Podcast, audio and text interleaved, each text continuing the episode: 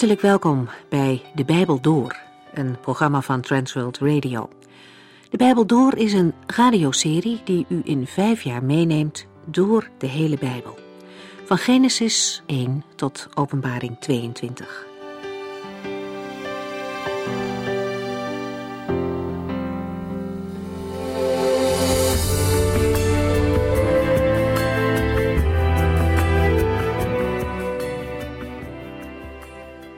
Vandaag gaan we verder met de tweede helft van 1 Corinthiërs hoofdstuk 7. Maar ik noem u eerst nog even ons internetadres voor als u misschien een aflevering wilt terughoren of meer informatie wilt. Kijkt u dan op www.transworldradio.nl of belt u met 0342 478432. In dit zevende hoofdstuk gaat Paulus in op onderwerpen rondom huwelijk en echtscheiding. Vanuit de gemeente waren daar vragen over gekomen en die worden door de apostel hier beantwoord. Blijkbaar waren er grote meningsverschillen tussen de gemeenteleden. Enerzijds waren de mensen die voor onthouding van seksualiteit en andere lichamelijke genoegens pleiten, en anderzijds was er een vrije stroming die juist volkomen vrijheid daarvan voorstond. En de invloed van de cultuur werkte natuurlijk ook in de gemeente door. Bij het lezen van deze brief moeten we wel de immoraliteit van de Corinthische cultuur in het achterhoofd houden. Gods visie op man en vrouw, op seksualiteit en trouw was totaal anders dan de toen gangbare normen. Een vrouw is in Gods ogen niet minder dan de man. Beiden zijn verschillend en hebben een eigen plaats in het huwelijk. Ze vullen elkaar aan maar voor vernedering en heerszucht is in het Bijbelse model geen plaats. Seksualiteit wordt in de Bijbel niet minachtend aan de kant geschoven, en anderzijds is er geen ruimte voor losbandigheid. Binnen de trouw van het huwelijk komt dit allemaal tot zijn volle recht. Zowel de man als de vrouw mogen elkaar niet tekort doen. En dat was een totaal ander geluid dan wat de Griekse filosofen leerden. En ook een ander geluid dan wat in onze tijd gebruikelijk is. En ook nu moeten we anders kiezen dan wat gangbaar is. De richtlijnen van God zijn echter zonder twijfel goede richtlijnen die voor iedereen zegen brengen. We lezen verder in 1 Corinthiërs 7 over trouwen en ongetrouwd zijn.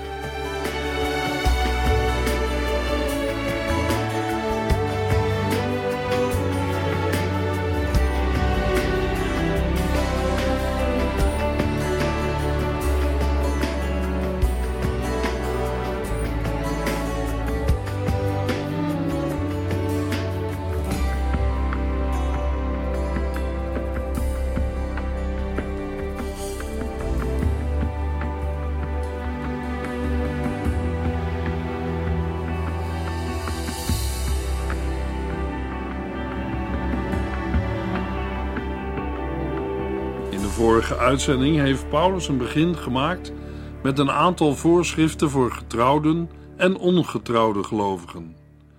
In deze uitzending gaan we daarmee verder. In de versen 17 tot en met 24 maakt de apostel aan de gelovigen duidelijk dat zij moeten leven zoals de Heer hen heeft geroepen. In vers 17 heeft de apostel gezegd: Ieder moet zo leven als de Heer hem heeft geroepen. Dit is iets dat ik in alle gemeenten voorschrijf. In de volgende verse geeft Paulus een paar voorbeelden waarmee hij wil aangeven dat de levensomstandigheden van een gelovige niet bepalend zijn voor zijn relatie met God. De gelovige moet binnen de situatie waarin hij zich bevindt de Heere zo goed mogelijk dienen. Het geestelijk leven van een volgeling van Christus is niet afhankelijk van het scheppen van andere levensomstandigheden. Bijvoorbeeld door te bewilligen in een door de ongelovige echtgenoot verkozen echtscheiding. Maar blijkt uit het trouw zijn aan de Here binnen de huidige omstandigheden. Die omstandigheden waren voor de Here geen probleem om hen te roepen tot bekering en geloof. Er moet voor de gelovigen nu ook geen probleem zijn om hem te dienen. De gelovigen moeten door hun levenswandel laten blijken dat hun bestaande levensomstandigheden geen beletsel vormen om de Here te dienen. Dit leert Paulus niet alleen in Korinthe, maar in alle christengemeenten waar hij onderwijs geeft. In vers 18 geeft de apostel een eerste voorbeeld van het principe dat de omstandigheden waarin iemand tot bekering komt niet van belang zijn voor zijn relatie met God. De reden hiervoor is dat Gods roepende genade is gekomen tot besnedenen, Joden, en tot onbesnedenen, Grieken, heidenen. Het laten verhelpen van de besnijdenis of het zich alsnog laten besnijden heeft geen enkele invloed op het heil dat men in Christus heeft ontvangen en heeft geen enkel geestelijk nut. Integendeel, als men zich alsnog laat besnijden, miskent men zelfs de genade van God. Gezien in het licht van de redding door het geloof in Jezus Christus, is het wel of niet besneden zijn onbelangrijk. 1 Corinthiërs 7 vers 20 Ieder moet zijn oorspronkelijke roeping trouw blijven. Vers 20 komt grotendeels overeen met vers 17 en 24. In de vorige verse werd dit uitgewerkt met betrekking tot het wel of niet besneden zijn. In de volgende verse wordt de heersende slavernij vergeleken met de wezenlijke roeping van een christen. Het woord roeping heeft betrekking op de oproep tot bekering en geloof in de Here. De woorden van dit vers moeten niet gelezen worden als een statische wetsregel waarin Paulus zich zou uitspreken tegen elke sociale verandering, maar als een benadrukken dat de sociale staat van de gelovige onbelangrijk is voor zijn relatie met God. Zelfs in het geval van een maatschappelijke verbetering is deze toch niet relevant voor zijn geestelijk leven. 1 Corinthiërs 7 vers 21 en 22 Was u een slaaf toen God u riep? Maak u daar dan niet druk over. Maar als de mogelijkheid zich voordoet vrij te komen, moet u die kans natuurlijk met beide handen aangrijpen. Want de slaaf die door de Heere zelf geroepen wordt, is voor de Heere een vrij man.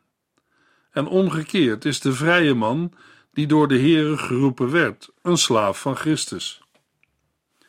Een tweede voorbeeld van levensomstandigheden betreft slavernij en vrijheid. In de Grieks-Romeinse wereld was slavernij een normaal verschijnsel. Wij moeten daarbij niet denken aan allerlei vormen van gruwelijke dwangarbeid in de mijnen of op de galeien. In de mijnen en op de galeien waren het geen slaven, maar veroordeelde misdadigers of krijgsgevangenen. Slaven konden bijvoorbeeld als regel trouwen en vaak sparen voor hun vrijheid. Bovendien garandeerde de meester een goed levensonderhoud en zorg voor de oude dag, zodat ze vaak beter af waren dan vrije arbeiders. Dikwijls werden slaven bij het overlijden van hun meester vrijgelaten. Dat het werkelijk voor het geloof niet uitmaakt of men slaaf of vrij man is, legt Paulus uit in vers 22. Want de slaaf die door de Heere zelf geroepen wordt, is voor de Heere een vrij man. Voor ieder die tot geloof komt, geldt dat hij of zij door Christus wordt vrijgemaakt van de macht van de zonde, als ook van de zonde schuld, en vrijgekocht wordt uit de heerschappij van de duivel. Omgekeerd geldt voor iedere gelovige dat hij het eigendom van Christus is geworden en verplicht is om als slaaf de gerechtigheid te dienen. Het eerste, de vrijlating, past Paulus nu speciaal toe op de slaven. Het tweede, de dienstbaarheid, op degenen die als vrije tot bekering kwamen. Daarmee laat de apostel zien dat maatschappelijke status in Christus geen rol speelt. Als gelovige slaven dit begrijpen, kunnen zij vrede hebben met de situatie waarin zij verkeren. 1 Corinthiërs 7, vers 23. De slaaf van Christus is voor de hoogste prijs gekocht en betaald. Neem dus geen slaafse houding tegenover mensen aan. De prijs die Christus heeft betaald voor de gelovigen bestond in zijn eigen bloed, zijn eigen leven aan het kruis. Dit gekocht zijn houdt in dat de gelovige is vrijgekocht uit de macht van de zonde en het eigendom van de Heer is geworden. Hem moeten de gelovigen nu dienen. Daarbij past geen slaafse houding naar mensen. 1 Corinthiërs 7 vers 24 Broeders en zusters, wat u was toen de Heer u riep, dat moet u blijven. Vers 24 is grotendeels gelijk aan vers 20 en kan gezien worden als een afsluiting van de versen 12 tot en met 24. Daarin spreekt Paulus over het huwelijk met een ongelovige, over het wel of niet besneden zijn en de slavernij. Degene die in een situatie van slavernij tot bekering komt, moet zich daarover niet bekommeren. De vrijheid waarin men in Christus wordt geplaatst, verandert de huidige leefsituatie zodanig dat zij tot een mogelijkheid wordt om Christus te dienen. Bij de Heer is het onbelangrijk of men nu slaaf is of vrij. Het is wel belangrijk dat men in de huidige situatie bij Hem blijft en Hem trouw dient. 1 Corinthians 7, vers 25. Voor de ongetrouwde jonge vrouwen heb ik geen voorschrift van de Heere, maar ik geef mijn eigen mening als iemand die door de goedheid van de Heere te vertrouwen is. Met vers 25 begint Paulus aan een nieuw thema. Hij zet het onderwijs rond het thema huwelijk, seksualiteit, trouwen, echtscheiding en ongehuwd blijven voort. Paulus is nog steeds bezig met de behandeling van de schriftelijke vragen die hem vanuit Korinthe zijn toegezonden. Hij gaat het nu hebben over ongetrouwde jonge vrouwen. Uit het vervolg blijkt dat Paulus jonge vrouwen, en dan ook jonge mannen, op het oog heeft die een relatie hebben. Wij zouden zeggen ze zijn verloofd. Met betrekking tot hun huwelijken zijn wel afspraken gemaakt, maar ze zijn nog niet getrouwd. De apostel begint zijn onderwijs met de opmerking dat hij hierover geen voorschrift van de Heer heeft. De Heer Jezus heeft zich niet over verlovingen of het verbreken van verlovingen uitgesproken. Daarom zegt Paulus: Ik geef mijn eigen mening als iemand die door de goedheid van de Heere te vertrouwen is. De apostel spreekt als iemand die betrouwbaar is. Die betrouwbaarheid berust op de goedheid of barmhartigheid die de Heer Jezus aan Paulus heeft bewezen. De genade en de barmhartigheid die Paulus zelf heeft ontvangen, komen nu tot uitdrukking in zijn onderwijs.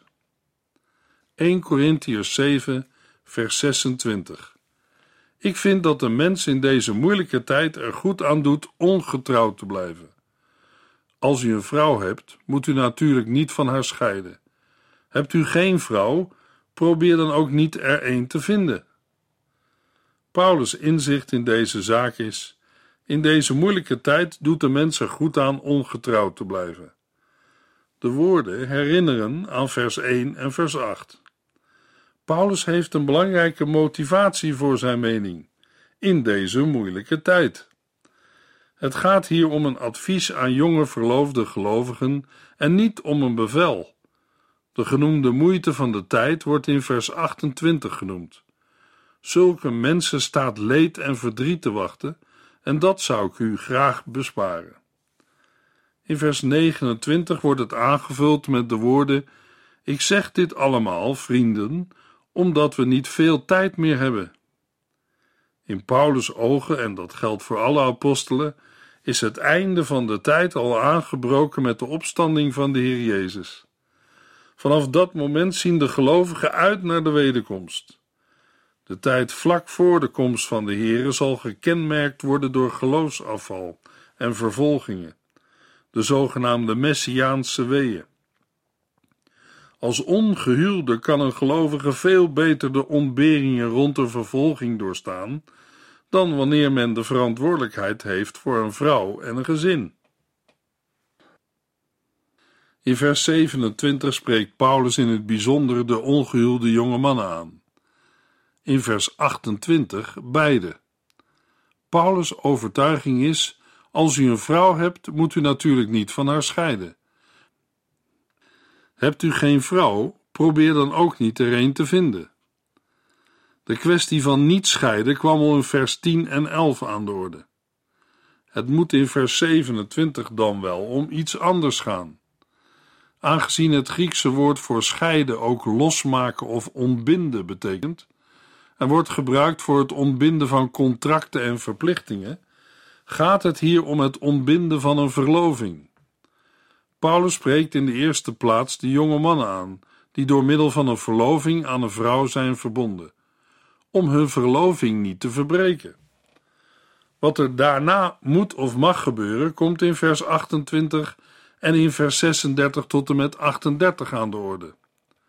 Vervolgens richt de apostel zich tot de alleenstaande of degene die niet meer verloofd zijn en zegt tegen hen dat zij niet opnieuw een vrouw moeten gaan zoeken. 1 Corinthiërs 7 vers 28 Trouwen is voor een man geen zonde en voor een jonge vrouw ook niet. Maar zulke mensen staat wel leed en verdriet te wachten, en dat zou ik u graag besparen. De apostel weerlegt in vers 28 de beschuldiging van sommige ascetische Corinthiërs dat trouwen, en met name de echtelijke gemeenschap, eigenlijk zonde is. Wie trouwt, heeft helemaal geen zonde gedaan. Het wel of niet trouwen van gelovigen heeft niets met zonde te maken. Het huwelijk is niet minderwaardig en evenmin is ongehuwd blijven een geestelijke prestatie. Paulus wil wel waarschuwen, maar die waarschuwing heeft pastorale redenen. Degene die trouwen staat leed en verdriet te wachten.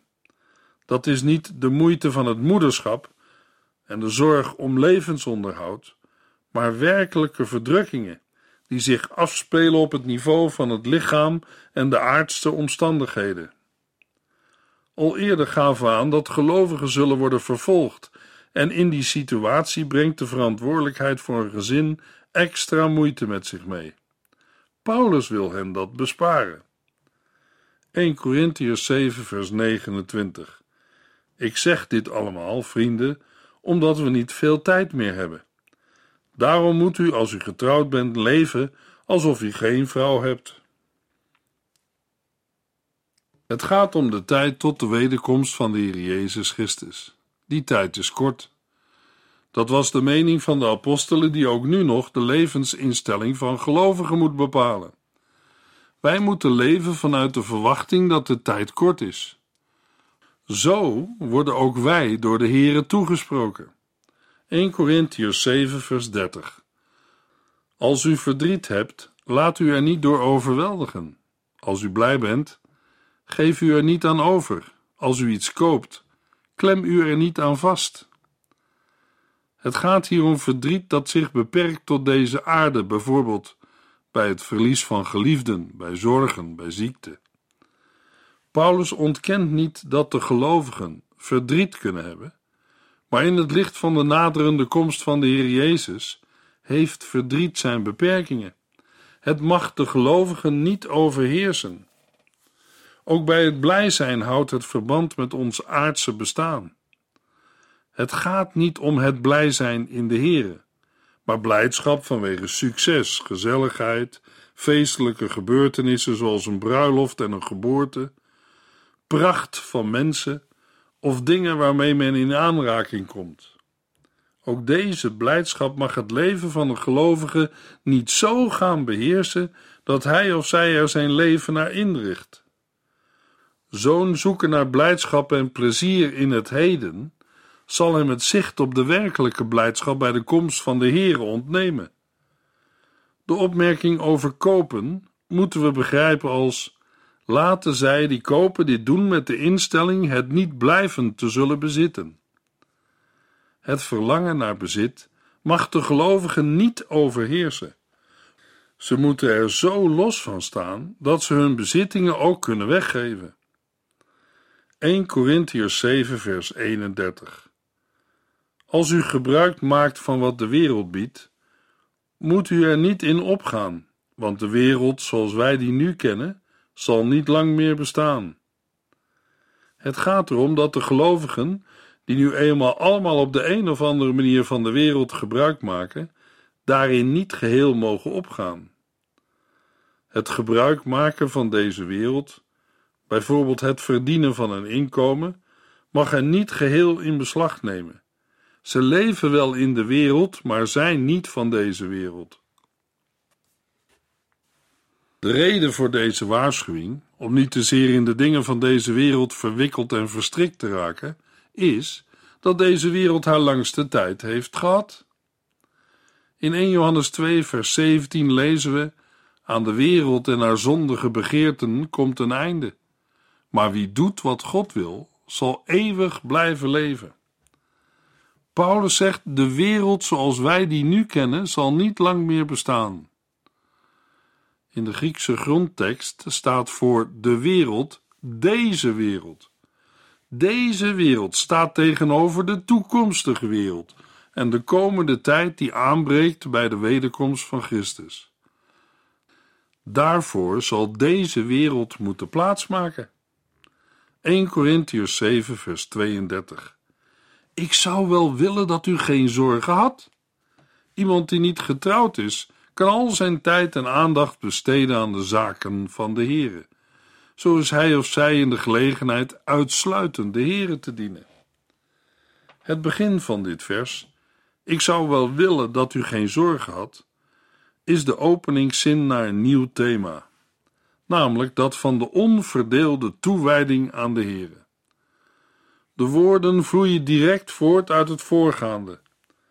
Met zijn vermaningen uit de voorgaande verse wil Paulus juist bereiken dat de gelovigen zichzelf niet belasten met zorgen om dingen van voorbijgaande aard. Dat geldt voor de ongehuwde, maar evenzeer voor degene die getrouwd is. Daarbij gaat het niet om het afwezig zijn van zorgen, maar om een niet bezorgd zijn, ook al zijn er wel redenen voor. 1 Corinthians 7, vers 33. Maar wie getrouwd is, moet aan de dingen van de wereld denken. Hij wil het niet alleen zijn vrouw naar de zin maken, maar ook naar de wil van de Heere leven. Zijn liefde en aandacht zijn verdeeld. Het bezig zijn met de dingen van de wereld is noodzakelijk voor de instandhouding van een huwelijk en een gezinsleven. Het naar de zin maken van de echtgenote voor haar zorgen is een essentiële taak van de man in het huwelijk. Paulus wil dat deze verantwoordelijkheid om voor de huwelijkspartner te zorgen niet leidt tot een bezorgd maken, het zich door zorgen laten overheersen. De gehuwde heeft het daarbij moeilijker en staat aan meer verleidingen bloot dan de ongehuwde. Hij is verdeeld in zijn dienen van de Heer Jezus en zijn verantwoordelijkheid voor zijn gezin. Hij moet veel meer van de wereld gebruik maken dan de ongehuwde. En voor hem zijn des te meer de waarschuwingen van vers 29 tot en met 31 van toepassing. Hij moet zich niet door dingen van voorbijgaande aard laten overheersen. 1 Corinthiërs 7 vers 34 en 35 Een getrouwde vrouw heeft hetzelfde probleem. Ook zij is bezig met de dingen van de wereld en probeert het haar man naar de zin te maken. Heel anders is het voor een ongetrouwde vrouw. Zij kan al haar tijd en aandacht aan de zaak van de Heer besteden en behoort hem met hart en ziel toe. Ik zeg deze dingen niet om u in een keurslijf te persen, maar om u te helpen. Ik wil graag dat u goed leeft en dat zo min mogelijk dingen uw aandacht van de Heere afleiden. Voor de gehuwde vrouw geldt hetzelfde als voor de gehuwde man. Zij moet haar aandacht verdelen tussen de zorg voor haar man en haar gezin en haar liefde voor de Heere. Toch is het ook voor haar belangrijk dat zij niet te zeer opgaat in haar aardse verantwoordelijkheden. De niet gehuwde vrouw wordt voor wat betreft haar geest niet verdeeld tussen aardse verantwoordelijkheden en haar liefde voor de Heere. Ook in haar lichamelijke bestaan kan ze zich geheel toewijden aan de dienst van de Heere. Zij wordt namelijk niet in beslag genomen door de zorg voor een man en een gezin. In vers 36 tot en met 38 wordt de beslissing behandeld van de verloofde om de verloving met zijn meisje wel of niet door een huwelijk te laten volgen. De uitleg is een logische voortzetting van vers 25 tot en met 28. Paulus laat nu merken dat hij er begrip voor heeft als de verloofden toch tot een huwelijk overgaan. De reden daartoe lezen we in vers 36. Als iemand het tegenover zijn dochter niet gepast vindt haar van een huwelijk te weerhouden, laat hij dan doen wat zijn hart hem ingeeft. 1 Corinthians 7, vers 39 en 40. Een getrouwde vrouw mag zolang haar man leeft niet bij hem weggaan. Maar als haar man sterft, is zij vrij. Dan mag zij trouwen met wie zij wil. Maar dan moet het wel een gelovige zijn. Toch doet zij er volgens mij beter aan weduwe te blijven. Dan zal zij gelukkiger zijn. Ik geef dit advies omdat ik meen dat de geest van God mij daar ook de wijsheid voor geeft. Aan het slot van 1 Corinthiërs 7 komt Paulus terug op de mogelijkheid van een tweede huwelijk voor een weduwe. Een vrouw is gebonden door de wet van God om haar man trouw te blijven, voor de tijd dat haar man leeft. Dit komt overeen met het voorschrift van de Heer Jezus tegen de echtscheiding. Verder blijkt hier de keuze van een nieuwe partner evenzeer bij de vrouw als bij de man te liggen. Aan de vrije keuze wordt wel een duidelijke beperking gesteld. Het moet wel een gelovige zijn. Dit houdt in dat het huwelijk gesloten wordt binnen de kring waar Christus als Heer wordt aanbeden, en dat de toekomstige levenspartner ook door het geloof aan Hem verbonden is. Vanzelfsprekend geldt dezelfde beperking ook voor de weduwnaar die wil hertrouwen. Als iemand voordat hij tot geloof kwam getrouwd is met een ongelovig gebleven vrouw, dan geldt dat de gelovige moet proberen zijn echtgenote voor Christus te winnen. Hij heeft niet de zekerheid dat dit ook werkelijk zal gebeuren. Het bewust aangaan van een gemengd huwelijk wordt hier duidelijk afgewezen. Paulus' eigen mening is niet alleen zijn persoonlijke mening. Zijn mening is gevormd en geïnspireerd door de Heilige Geest. In de volgende uitzending lezen we 1 Corinthiërs 8.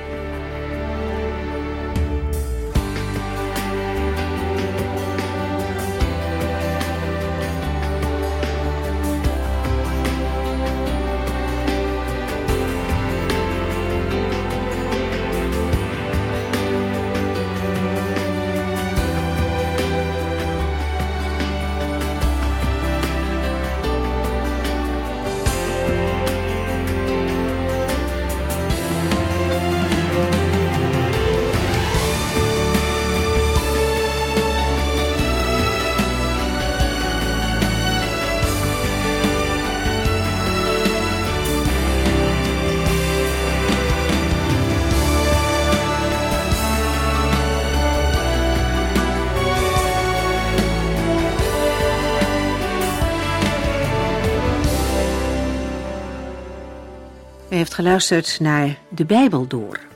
In het Nederlands vertaald en bewerkt door Transworld Radio. Een programma waarin we in vijf jaar tijd de hele Bijbel doorgaan. Als u wilt reageren op deze uitzending of u heeft vragen, dan kunt u contact met ons opnemen. Tijdens kantooruren kunt u bellen op 0342 47 8432. 0342 47 8432. 32. Ook kunt u een e-mail sturen naar de Bijbel door transworldradio.nl en natuurlijk kunt u ook via de post ons bereiken. TWR, postbus 371, postcode 3770, AJ in Barneveld. Dit programma werd gepresenteerd door Cor Weda en Ike André. Techniek was in handen van Odin van Woerdekom. En wij allemaal bedanken u voor het luisteren. Graag tot de volgende keer.